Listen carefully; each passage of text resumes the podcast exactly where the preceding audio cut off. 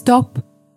Apstājies labas grāmatas priekšā un sagatavojies lasīšanai. Grāmatzīme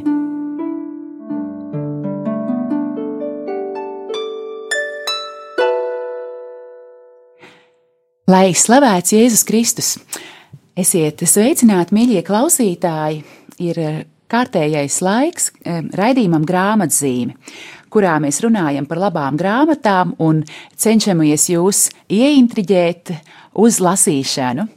Un šodien grāmata, par kuru mēs runāsim, saucas Svēto portreti. Tā ir grāmata, kas iznāca jau māja mēnesī, bet tā kā mēs ar raidījumu un visu rādio devāmies vasaras brīvlaikā, tad vēl maijā mums nesanāca laika par šo grāmatu parunāt, bet tad nu vērsim to vaļā šodien un runāsim par svētajiem un par svētumu šodien.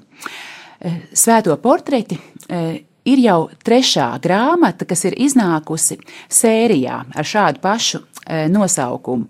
Proti jau 2008. gadā iznāca šīs sērijas pirmais darbs latviešu valodā par veseliem pieciem svētajiem Jāni Mariju Vienēju, Avilas Terēzi, Jāni no Krusta, Žannu Dārku un Asīs Klāru. E, drīz pēc tam, gadu vēlāk, 2009. gadā, svēto portreti ar apakšvirsrakstu kāda svēta ģimene stāstīja par mazo Terēzīti, jeb Terēzi no Lizjē un viņas svētajiem vecākiem, un tad no šīm pirmajām divām grāmatām šogad ir piepulcējusies trešā grāmata svēto portreti ar apakšvirsrakstu mūsu laika biedru ticības cīņas. Un par šo grāmatu šodien sarunāsimies mēs, Es Aija Balode no izdevniecības Kala raksti, un mana sarunas biedrene šodien ir teoloģe Baiba Brūdere un Rarzī profesore. Sveicināta Baiba, un liels paldies, ka atradāt laiku atnākt uz, uz raidījumu, lai par šo grāmatu runātu. Slavēts Kristus, vienmēr ir prieks runāt par labām grāmatām. Liels paldies, jā, es arī varu tiešām tam pievienoties. Jā, tiešām liels prieks, ka pavasarī mums izdevās šo grāmatu izdot, jo e, patiesi ir pagājuši gandrīz desmit gadi kopš iepriekšējās svēto portretu grāmatas, un, un pa vidām gribējās kaut ko izdot šajā sērijā, bet īsti nebija tāda pamudinājuma, līdz beidzot šajā pavasarī, kad gaidījām tēvu Sikarī, pašu autoru Rīgā, jau ziemā radās šī um, ierosme un lūk arī jauna grāmata uz um, rekolekcijām, ko tēvs Sikarī vadīja. Um, Varbūt tad tiešām sāksim par šiem trim svētajiem. Baigiņ, vai jums tas bija pārsteigums, ka tieši šos trīs svētos tēvs Sikarī izvirzīja šim jaunajam izdevumam?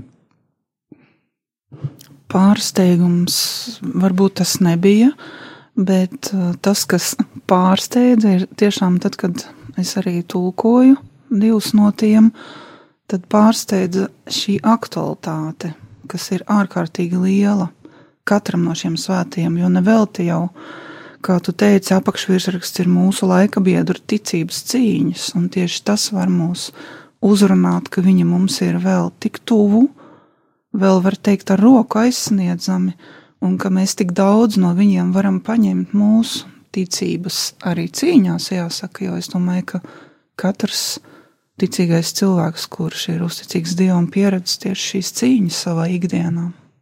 Jā, ta, man par to arī bija jādomā. Tagad jau pāršķirstot visas trīs grāmatas, ka, protams, ka nevienā laikā būt svētam nav viegli, un tas vienmēr cīņu prasa. Un vienlaikus arī, protams, jādomā par to, ka Protams, šis laiks, kurā dzīvojam mēs, un kurā ir dzīvojuši arī Pāvils VI, Madlēna Delbrēla, Žeroms Ležēns, par kuriem arī tūdaļ runāsim, ka arī šis laiks un, un tas sabiedrības noskaņojums un pasaule, nu, tajā svētuma izaugsmē nepalīdz, vai varbūt tieši palīdz ar to savu pretspāru, ka varbūt tieši tas izaicinājums kaut kādā ziņā varbūt tiešām izaicina, ka izvēlēties vai nu vienu vai otru, nu, proti, ka tu nevari palikt pa vidu? Ja? Pilnīgi noteikti pa vidu, mēs nevaram palikt, un pilnīgi noteikti pasauli nepalīdz. Vai ne?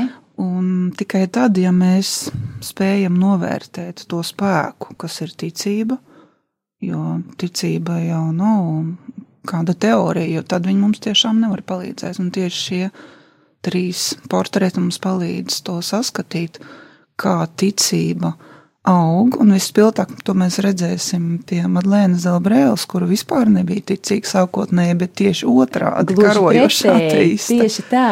Jā, līdz ar to atkal šis portrets mums palīdzēs ar to, ka noteikti mums katram vai ģimenes lokā vai draugu lokā ir cilvēki, par kuriem mēs pārdzīvojam, kuri nav vēl sastapuši dzīvo dievu. Un, lūk, Madlēnas Delbrēlas portrets dos tādu, var teikt, avotu, kur pasmelties, kā viņai ir gājis un kā mēs varam runāt ar mūsu tovajiem, kam, kurus gribam pievest tuvāk dievam man tāda īstenībā arī doma par Madlēnu Delbrēlu lasot bija, ka tiešām mēs viņu varētu piesaukt par tādu svēto aizbildni, eh, runājot ar Dievu par tiem cilvēkiem, varbūt kurus mēs paši nezinām, kā uzrunāt, vai vienkārši viņus uzticēt Dievam, piesaucot Madlēnu Delbrēlu, jo viņai tiešām ir pieredze eh, tajā, cik var būt eh, no tāda pilnīga nolieguma uz lielu mīlestību.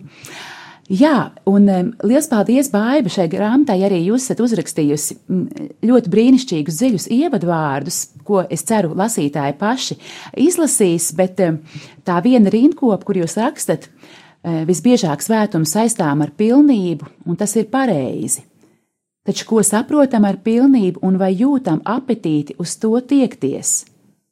Un kā šī pilnība saistās ar to dieva domu par mums, kuru Kristus atnāca mums atklāt, un cik daudz atkarīgs no mūsu pūlēm? Kāda vieta tajā ir prātam, gribai, ticībai, sirdī, dāsnumam? Visi šie jautājumi skar cilvēkus, kurus šajā grāmatā iepazīsim. Jā, šos jautājumus tūdaļ arī par visiem šiem trim cilvēkiem pa kārtai par viņiem runājot, uzdosim, bet eh, pirms tam mazliet ievilksim elpu, mazs mūzikas brīdis, un tad jau runāsim par Pāvilu VI, kurš jau ir jau nes šo cildeno svētā vārdu Jā, pavisam pat, oficiāli. Nu, pat, pat, pat desmit dienas vēl nav pagājušas. Tieši tā. tā. Esam, var teikt, dievišķā providence mums ir palīdzējusi būt uh, vienā ritmā ar šo laiku. Jā, kaut kādā ziņā mēs jau pat pravietiski pasludinājām par svēto maijā.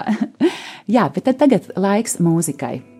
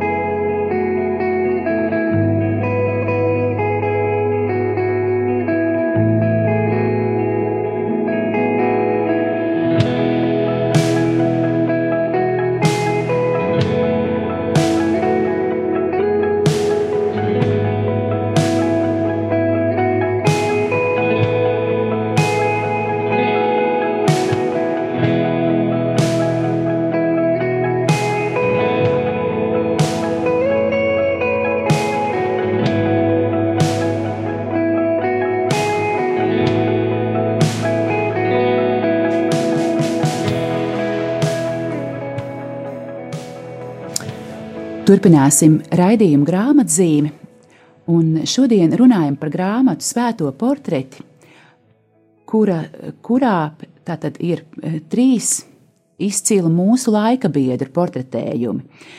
Tiešām cilvēki, kas, jā, kā baiba jūs rakstat, šķiet, ka mēs viņiem varam teju pieskarties. Jā, un lūk, maijā, kad iznāca grāmata, Pāvils VI vēl bija svētīgais, bet lūk, pirms desmit dienām viņš ir piepulcējies svētajiem. Baznīca viņu ir oficiāli par tādu atzinusi. Un kas to lai zina, var jau būt vēl, ka mūsu dzīves laikā, bet varbūt mūsu bērnu vai vēlāk par svētajiem tiks atzīti arī Madlēna Delbrēla un Žeroms Ležēns. Katrā ziņā varam jau lūgties brīnumu. Jā, Bet varbūt tiešām baimiņi, tad kā mēs varētu iepazīt, um, iepazīstināt lasītājs ar Pāvilu VI. Skaidrs, ka laika mums nav tik daudz, lai izstāstītu visu šo portretējumu. Lasītājiem būs jālasa pašiem, un kāpēc arī, lai mēs viņiem to aiztaupītu, šis um, portretējums ir ļoti interesants. Bet kas būtu tās dažas atziņas, ko jūs gribētu izcelt par šo svēto pāvestu?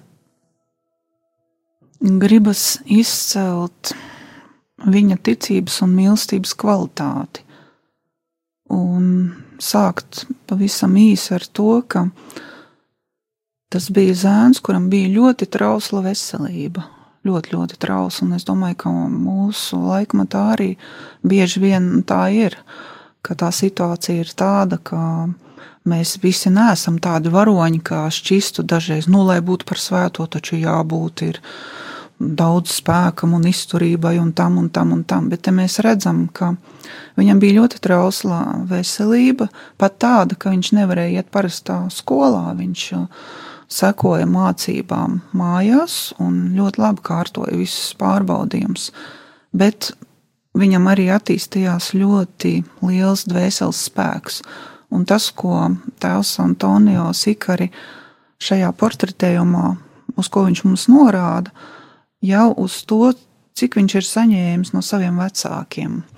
Piemēram, mums var būt interesants fakts, ka viņa tēvs bija jurists, un ka kā jurists viņš bija līdzis savam dēlam, kā tādu, kā te tēvs Antonio pat saka, tādu zvērstu izteikt, ka nekad nedos priekšroku dzīvei, atstājot otrajā vietā dzīves jēgu. Un tā it kā pirmo reizi dzirdot, varbūt pat nesaprotam šī doma, bet tas ir tā, ka dzīves jēga, tad, tad visbūtiskākās zināšanas, ticība dievam, tas, ka dievs mums visu ir devis, tas ir pirmajā vietā.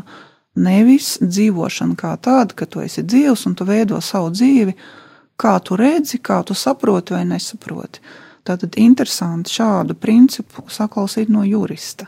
Un tāpēc pie katra svētā man pat šķiet, ka ļoti daudzām aktuālām mūsdienu profesijām, šo profesiju pārstāvjiem ir tik daudz ko mācīties. Ja. Tātad tēvs ārkārtīgi godīgs jurists, vēlāk viņš būs arī deputāts Itālijas parlamentā, tātad arī ar ļoti augstām un, varētu teikt, dziļām intelektuālām spējām un arī dēlam, tātad Giovanni Batista Montīni, ģimenes uzvārds, ir ļoti liels intelektuālās spējas. Un no mātes viņš bija mantojis to, ka mamma bija lūkšana cilvēks ar ļoti sakopotu garu. Viņa mācīja Giovanni Batistam palikt klusumā. Piemēram, tāda viena maza epizodīte, ka viņi bija kopā aizgājuši lūgties uz baznīcu, un viņš kā zēns skatās, ka māte neskaita lūkšanas, bet tur vienkārši klusumā ir. Un viņš jautā, mamma, vai tu nenoskaitīsi nevienu, esi sveicināta? Un mamma atbild, ka šoreiz viņa ir atnākusi pabūt kopā vienkārši ar Dievu, tas, kas tik ļoti mums pietrūkst mūsu straujajā laikmetā. Tas ir par vecākiem, bet pēc tam arī tās cīņas, kuras viņš pieredzēja savā dzīves ceļā, tātad tās ir cīņas par tīru ticību, cīņas par mieru un cīņas par jauniešu izglītību un par kultūru. Atkal tu redzi, cik ļoti aktuāls tas ir mūsdienās. Un tad vēl jāsaka tā, ka tu pieminēji par grāmatu lasīšanu. Visi šie trīs portreti mums parāda, ka katrs, gan Pāvils VI, gan Madlēna Delbrēla un Žeroms Ležēns ir tie, kas ļoti daudz bija lasījuši. Un arī, piemēram, Giovanni Batista, viņam bija tuva grāmatu lasīšana un arī mūzika. Bet bija tā, ka viņš būtu gribējis kļūt par benediktiešu mūku, taču veselība viņam neļāva. Un tad viņš sāka studēt teoloģiju Brešas seminārā, un tas bija arī kara laiks, kad viņš nonāca pie tādas dziļas apziņas, ka nepieciešams cīnīties par tēviju un arī par ticību. Atkal, cik tas aktuāli mums šodien ir. Nu, un tas, kas vēl ir ļoti uzkrītoši viņa portretējumā, ir tas, ka viņš dieva žēlstības spēkā prata neieļaunoties no negācijām, kuras atsevišķos dzīves posmos, pilnīgi var teikt, nu, vēlās, gāzās pār viņu kā lavīna. Ja? Un tā tad viņš arī bija tas, kurš necieta nepatiesumu. Es pieminēju to, ka viņš kādā no savas dzīves posmiem cīnījās par jauniešu izglītību, un viņam vispār pie sirds bija šis aicinājums būt par priesteri un nodarboties ar pastorālo darbu. Taču ļoti drīz ģimenes draugi, kuriem bija liela ietekme, gribēja, gribēdami labu, izkārtoja viņam vietu Vatikānā. Varbūt, ka dažs labs būtu ļoti priecīgs un laimīgs, bet viņš jutās sāpināts ar to, ka tagad viņš būs tālu no pastorālā darba un būs kā ierēdnis. Protams, arī šajā vietā viņš ļoti daudz paveica. Un šeit atklājās viņa pazemība, ka kalpojot Vatikānu kūrijā 30 gadu garumā, viņš parādīja ārkārtīgi lielu pazemību. Piemēram, līdz 54 gadu vecumam viņš bija vienkārši priesteris, lai gan Viņam bija nemitīga darīšana ar visu rangu un līmeņu, tātad priesteri, bīskapi, kardināli, pats pāvests, diplomātiskais korpus, un viņš pat nekad nebija kādu mājienu devis vai lūdzis, ka lai viņam piešķir, piemēram, lai viņš varētu būt bīskaps vai tam līdzīgi. Jā, viņš kļuva par bīskapu. Taču tas bija jau daudz vēlāk, un tad viņš bija laimīgs, ka viņu nosūtīja uz Milānas diecēs. Tad tā ir, kā tēvs Antonio Sikari raksta, vislielākā tāda strādnieku diecēze pasaulē. Un cik ļoti daudz viņš um, deva šiem vienkāršajiem strādniekiem. Piemēram, ka viņš teica, ka viņam nav materiāla bagātība, ko viņiem dod, bet viņam ir tik daudz dārgumu viņu dvēselēm. Bet par materiāliem bagātībām jāsaka tā, ka viņš ļoti dāsns bija un ziedoja um, savu īpašumu, kas, kas viņam piederēja, lai dibinātu sociālos centrus, palīdzības centrus un tam līdzīgiem. Bet uh, patiešām tās viņa lielās intelektuālās spējas viņš izmantoja tajā brīdī, kad viņš bija norīkots par, um, varētu teikt, kapelānu pie katoļu jauniešiem uz universitātēm, un kad viņš nodarbojās, kā Antonio Sikari skaisti saka, ar intelektuālo tuvāku mīlestību. Ja viņš audzināja šos studentus, kuri arī par saukli tādu izvirzīja, gribam garīgumu universitātēs. Ja, cik, cik skaisti tas skan. Un ka daudzi no šiem jauniešiem pēc tam kļuva par tiem, kas arī iesaistījās valsts pārvaldē, tad mēs varam novērtēt viņa ieguldījumu arī ne tikai baznīcas vēsturē, bet arī valsts attīstībā. Taču viņš gāja ļoti grūtām cīņām cauri.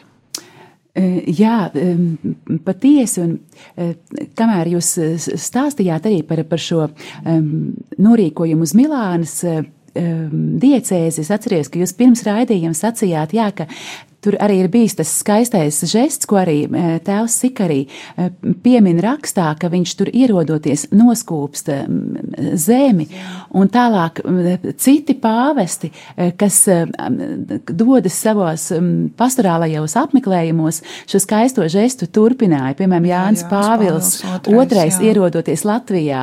Lūk, un, un tas tiešām tas tik, arī man bija jādomā par to, ka cik interesanti, lūk, Jāni Pāvilu otro mēs satikām kā pāvils pāvestu. Lūk, tagad jau godinam kā svēto. Šogad tādu žēlastību satikām tie no mums, kas bija Latvijā, Francisku, kas to zina, varbūt arī um, godināsim kā svēto, lai arī tagad viņš arī tādām pašām cīņām iet cauri pretestībai jā. un tā tālāk. Un faktiski ja? ir tādas interesantas paralēlas lasot šo svēto portretu. Pāvilu VI un, un Francisku varam redzēt, cik daudz līdzīgi ir. Patiešām, jo arī bija tā, ka lasot pirmo reizi, bija e, epizodis, kur teju ir jāraud par šo pāvestu, ka šķiet, kā tas bija iespējams, ka um, cilvēks, kurš uzliek visu savu sirdi plaukstā un kalpo ar sirdi un dvēseli, Kā varēja satikties ar tādu pretestību un neizpratni? Lūk, kam bija jāiet cauri šim cilvēkam? Jā, daudz viņa nesaprata, un vēl tāda aktuāla ievirze šajā portretējumā, lasot, kā izturējās masu mēdī, tad, kad um, tika izsludināts Vatikāna otrais koncils, Un tad Jānis 23. nomira, un arī bija tāds jautājums, vai koncils turpināsies. Un, protams, ka Pāvils VI turpināja šo koncilu, bet mēs zinām, cik liela atvērtība uz pasauli bija šis dialogs ar pasauli, kas tika raksturīgs Pāvilam VI, bet par ko viņam nācās dārgi maksāt, jo var teikt, ka viņu nesaprata no abām pusēm. Bija tādi brīži, ja, ka tātad žurnālisti gaidīja gandrīz nu, pēdiņās, varētu teikt, ka nu pat būs visatļautība. Un par viņu izplatīja tādus stereotipus, kas bija ļoti netaisni. Tad viņam atriebās par to, ka viņš tomēr pēc tam ļoti stingri nolika robežas, ka tā nebūs viss. Un arī no baznīcas viņam uzbruka, ka it kā viņš ir vainīgs pie tā, ka daudzas domas no koncila pārprata, un it īpaši liturģijā, kā vērsās pret evaharistiju, bet viņš bija tas, kurš uzrakstīja vēl koncila, koncila laikā šo encikliku Eklēzijam Somu, kas um, burtiski nozīmē viņa baznīca, tātad Kristus baznīca, un ka viņš paskaidroja šīs baznīcas un pasaules savstarpējās saiknes pamatojumu, ka tā ir piederība kungam, Kristum.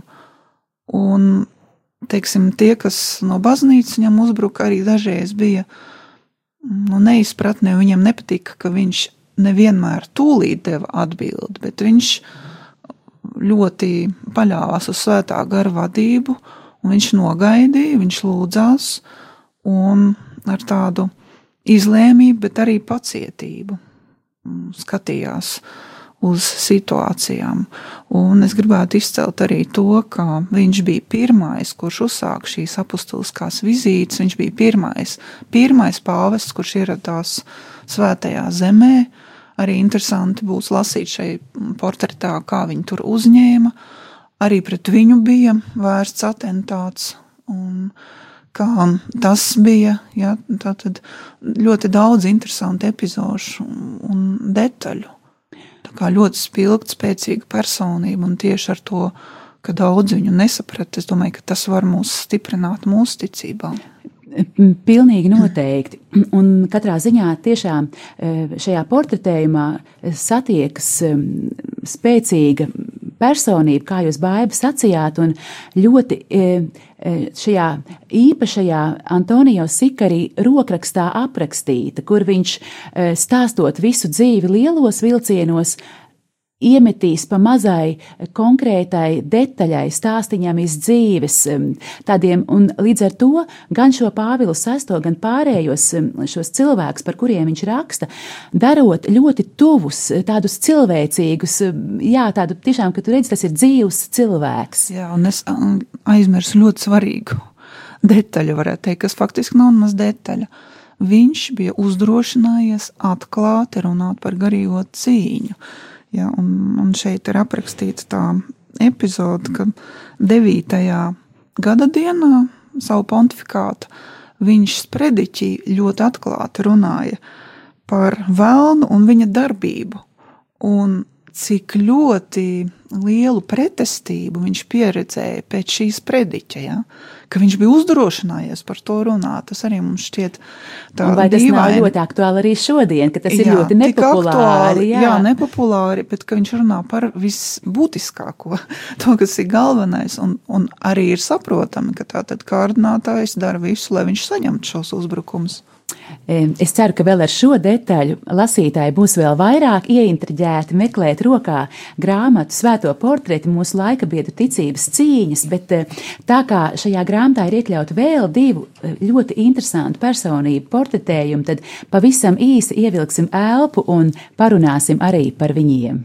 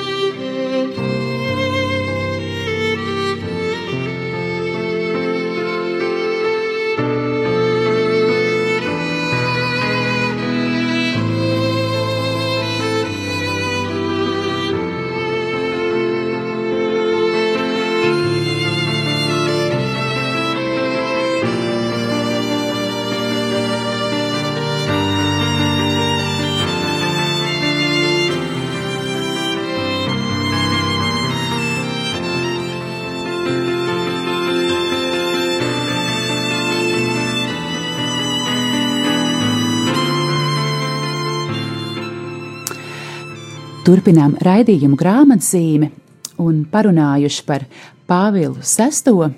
Eh, turpinām runāt par grāmatu Svēto portreti un par otro portretējumu šajā grāmatā. Un tas nu, ir ļoti interesants stāsts, kuru mēs tiešām, kā jau raidījuma eh, ievadā teicām, gribētos, ka šis stāsts atkārtotos daudzu mūsu um, tuvu cilvēku dzīvē, proti no dieva nolieguma uz Eh, milzīgu eh, mīlestību pret Dievu un visu savas dzīves atdošanu viņam, un tā ir Madlēna Del Brēla. Jā, Madlēna arī ļoti apdāvināta, ārkārtīgi apdāvināta jauna meitene, un tēvs Antonio sāka ar to, ka viņš citē ārkārtīgi spilgtu sacerējumu, ko viņa sarakstījusi 17 gadu vecumā. Un varbūt pāris teikums es nocitēšu, jā, lai saprastu gan domas dziļumu, gan arī to, ka tas ir pārsteidzoši, kā viņi no šādas pozīcijas pēc tam varēja nonākt līdz ticības dzīves virsotnē.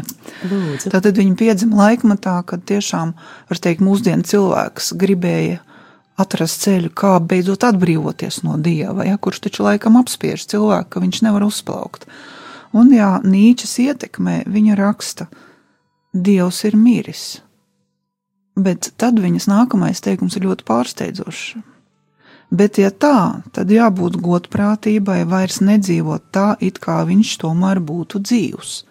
Un tad viņa raksta, kā tad, kādai tad attieksmei būtu jābūt tiem cilvēkiem, kas uzskata, ka dieva nav, vai tā kā viņi saka, ka dievs ir miris. Un var just tātad, ka viņai ir neticība dievam, bet arī ļoti dziļa neticība mīlestībai, un tās ir viņas sāpes. Viņa ir uzaugusi antiklerikālā vidē, kāpēc viņa tā var rakstīt 17 gadu vecumā? Tāpēc, ka viņa dzirdēja ģimenes draugus tā runājam, ja, un tā nebija ģimene, kas gāja baznīcā, un lūk, ko viņa raksta par mīlestību. Tie, kas iemīlējušies, ir galīgi neloģiski un nelabprāt dziļi domā Viņi apsola viens otram mūžīgu mīlestību, bet to uzticība aizvien iet mazumā, jo ar katru aizejošo dienu tie ar vien vairāk tuvojas galējai pamestībai, ar to viņi domā nāvi. Ja? Un tad, kā viņa par sevi saka, man negribētos kļūstot vecai, palikt blakus mīlamajam vīrietim, kurš redzētu, kā man izkrīt zobi, kā zods kļūst nokarens un ķermenis pārveidojas par ādas maisu vai izžūšu vīģi tad mēs redzam, ka viņai ir tāda pieredze, ka ļoti trūkst mīlestības, bet arī, kā arī autors, tad tēvs Sikari uzsver arī milzīgas, ilgas pēc tādas īstas dzīves, pēc īstas mīlestības, pie kuras viņa nonāks. Jo tas, kas viņu glābs no šī attīsma bezdibeņa, ja tā varētu teikt, tā būs tieši viņas pašas iemīlēšanās. Jo 18 gadu vecumā viņa iemīlas, viņa vārds ir Žants. Un te ir arī apraksts, ka viņš bija gan izskatīgs, gan intelektuāli apdāvināts, gan sportisks, prata labi dejot, viss tas, kas viņai patika. Ja? Un tagad viņa atklāja, ka viņš ir ticīgs, un kā jau cilvēki, kas viens otru mīl, viņi jau iet viņam līdzi arī tur, kur viņš tieks ar saviem dombiedriem, kristiešiem. Un lūk, kristieši maz pamazām, var teikt, nemanāmi izmaina viņas skatījumu, bet sākumā viņa pati to neapzinās. Viņai būs jānonāk līdz tam milzīgajam šokam, kad viņa sapratīs, ka kristieši ir likuši viņai domāt. Un tas šoks bija tāds, ka visi apkārtējie teica, ka viņi ir kā radīti viens otram, tik atbilstīgi. Un pēkšņi Žants no viņas dzīves pazūd. Vairs nekur viņa nav, viņa neko nezina, un tad uzzina, ka viņš ir iestājies noviciātā pie Dominikāņiem. Un tad viņi iziet uh, dinamikā, var teikt, dažādiem dvēseles stāvokļiem cauri. Pirmais, protams, ir milzīgas atcelšanās, antiklerikālās attieksmes, vispār uzvirmojums. Un tad, kad tas pirmais šūmēšanās brīdis pāriet, tad tā varētu teikt, viņa nekādu nevar aizmirst Žanu un viņa sāk domāt, kāds viņš bija, kas viņam bija dārgs, sāk domāt par šiem cilvēkiem, ar kuriem viņi bija tikušies, un viņa nonāk pie secinājuma. Protams, es te ļoti tādu kopsavilkumu dodu. Ja Žāns mani pameta, kur tik ļoti mīlēja, dieva dēļ, tad varbūt Dievs tiešām eksistē. Viņa pieļauj tādu hipotēzi, varbūt Dievs tomēr ir. Un tad viņi sāka domāt par tiem kristiešiem, kas viņus raksturoja. Ja? Un te ir ļoti interesants, piemēram, nosaukšu arī 52. lapusē, ja? kur mēs varam lasīt, kāds bija stereotips par kristiešiem, kas nemaz nav mainījies. Tikai šeit mēs redzam apgrieztā viņu tādā nozīmē, ka te viņa raksta, ka viņa bija iepazinusi vairākus kristiešus, un viņi nebija ne vecāki, ne muļķāki, ne lielāki ideālisti par mani. Viņi dzīvoja tādu pašu dzīvi kā es, diskutēja tikpat daudz kā es, dejoja. Viņi bija pārāk par mani, strādāja vairāk, viņiem bija zinātniska, tehniska izglītība, kāda man nebija, un tā tālāk. Ja?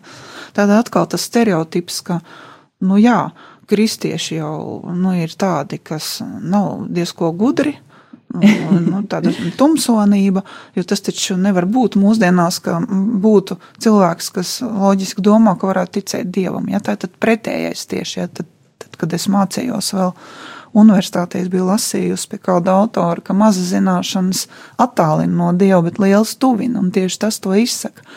Un tad viņa saprata tā, ja viņa vien pieļauj kā hipotēzi, ka dievs varētu eksistēt, tad jāmaina iekšējā attieksme.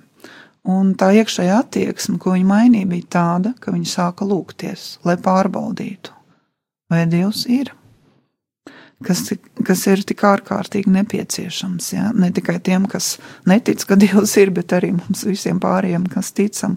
Tad viņi arī atcerējās, ka kādā no tikšanās reizēm bija runa par Avilas Terēzi, ka viņa bija ieteikusi klusumā lūgties, un tā viņa sāka.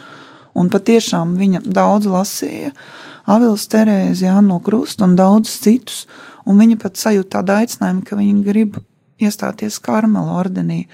Taču atkal ļoti liela mācība mums, ka viņa ņēma vērā.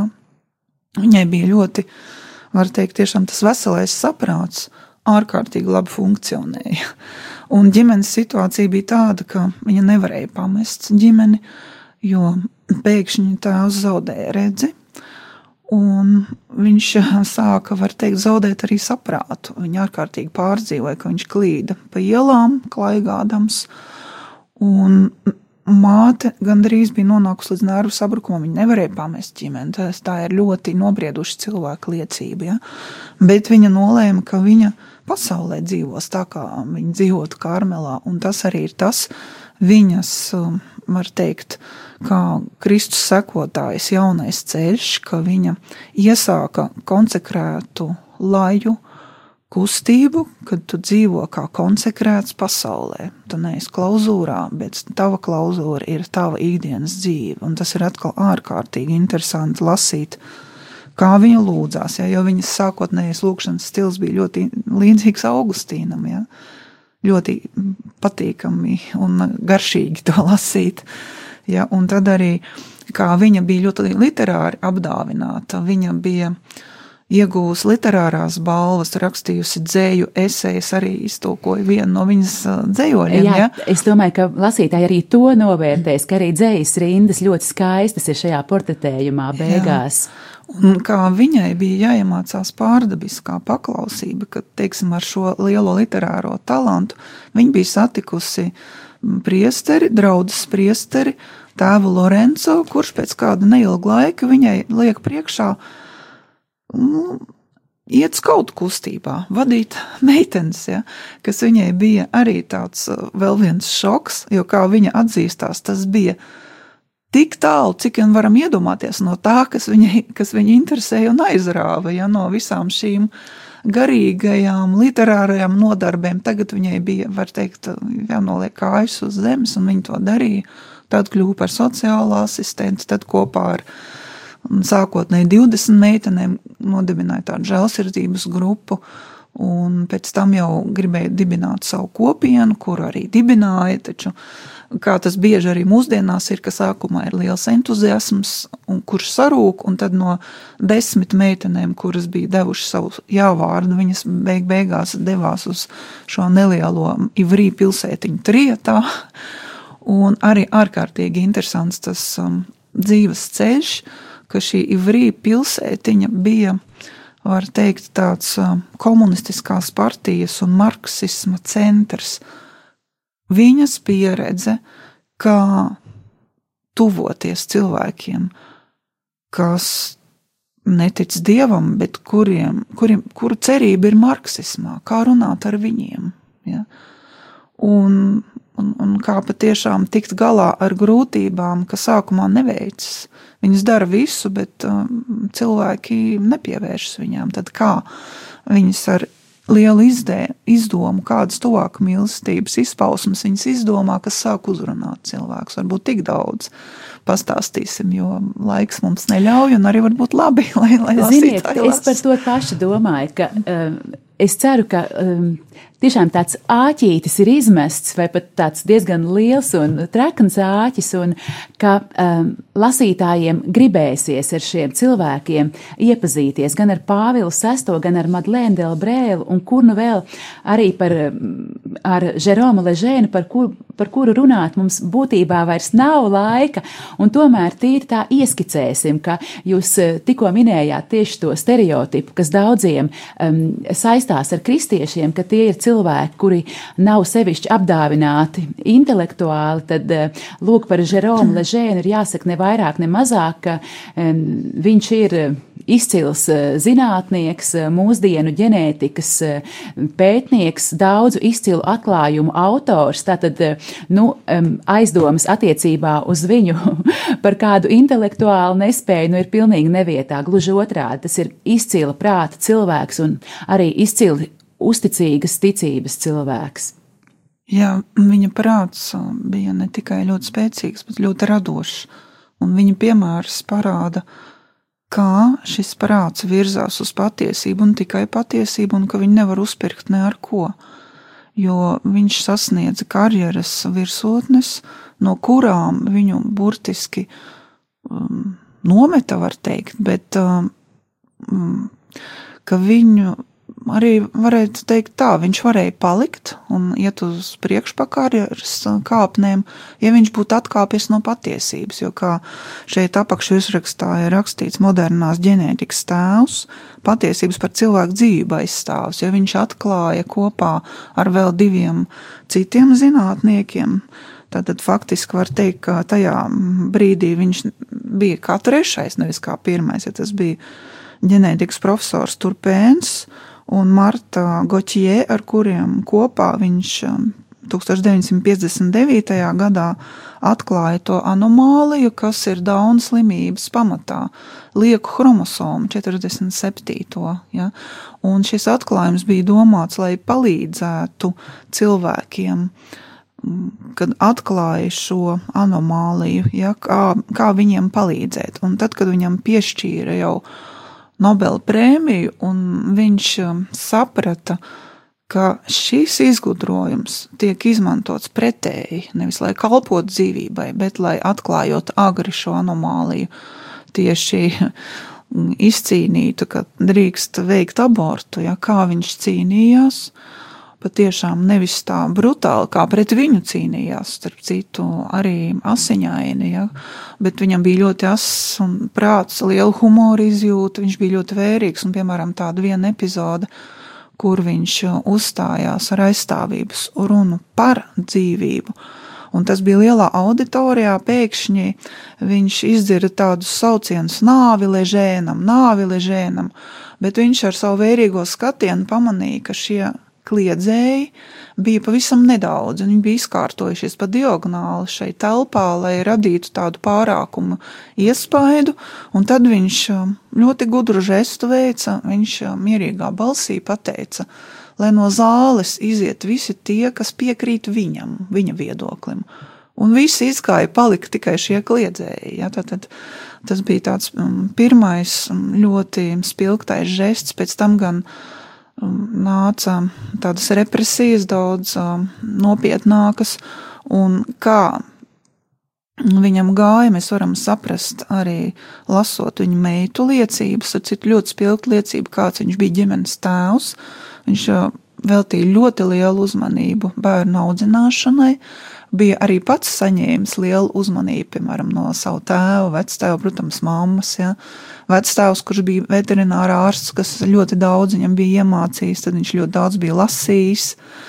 Un uh, savām meitām un uh, vispār arī, arī dēliem, bērniem viņš bija mācījis, ka pret tiem, kas ir grūtībās, piemēram, saslimuši, ir jāizturas ar ļoti lielu pietāti. Uh, Un mēs varam iedomāties šādu epizodi, ka viņš nav mājās, viņš vēl ir savā ārsta praksē, paceļ kāds no bērniem telefonu, kur mm, cilvēki jau tā ir, var teikt, sadūšojušies, piezvanīt mm -hmm. par mhm. savu problēmu, runāt, un atskan tāda smalka bērna balstiņa un saka, atstājiet lūdzu savu telefonu, mans tētis jums pārzvanīs.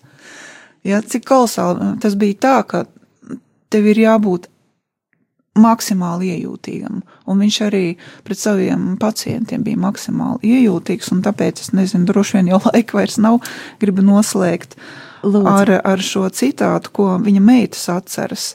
Kad mēs bijām bērni, mums bija godājams tēls, ģeniāls zinātnieks, kuru centās apstrīdēt elite, tātad tādi ziedu laiki.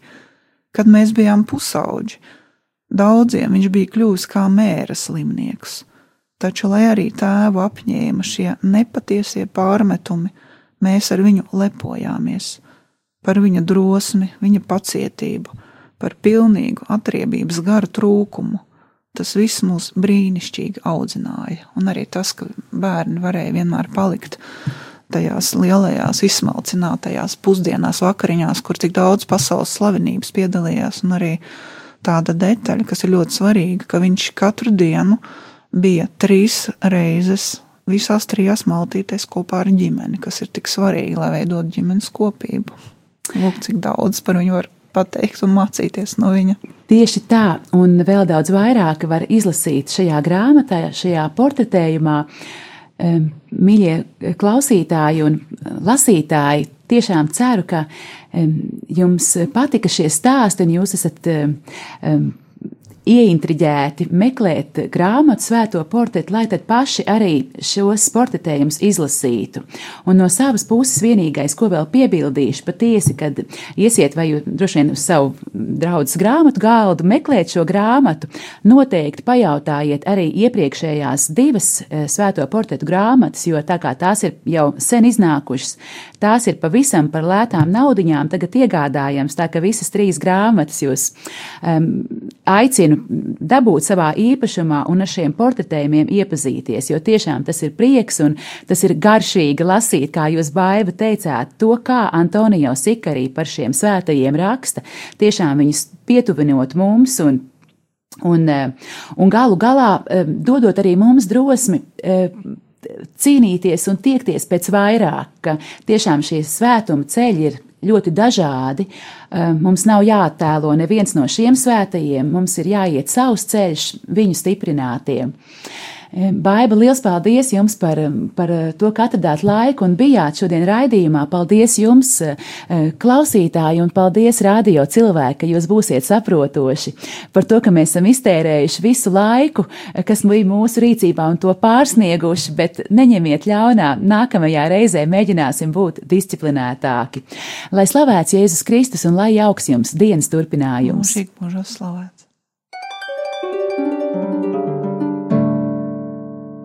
Stop! Apstājies labas grāmatas priekšā un sagatavojies lasīšanai. Grāmatzīme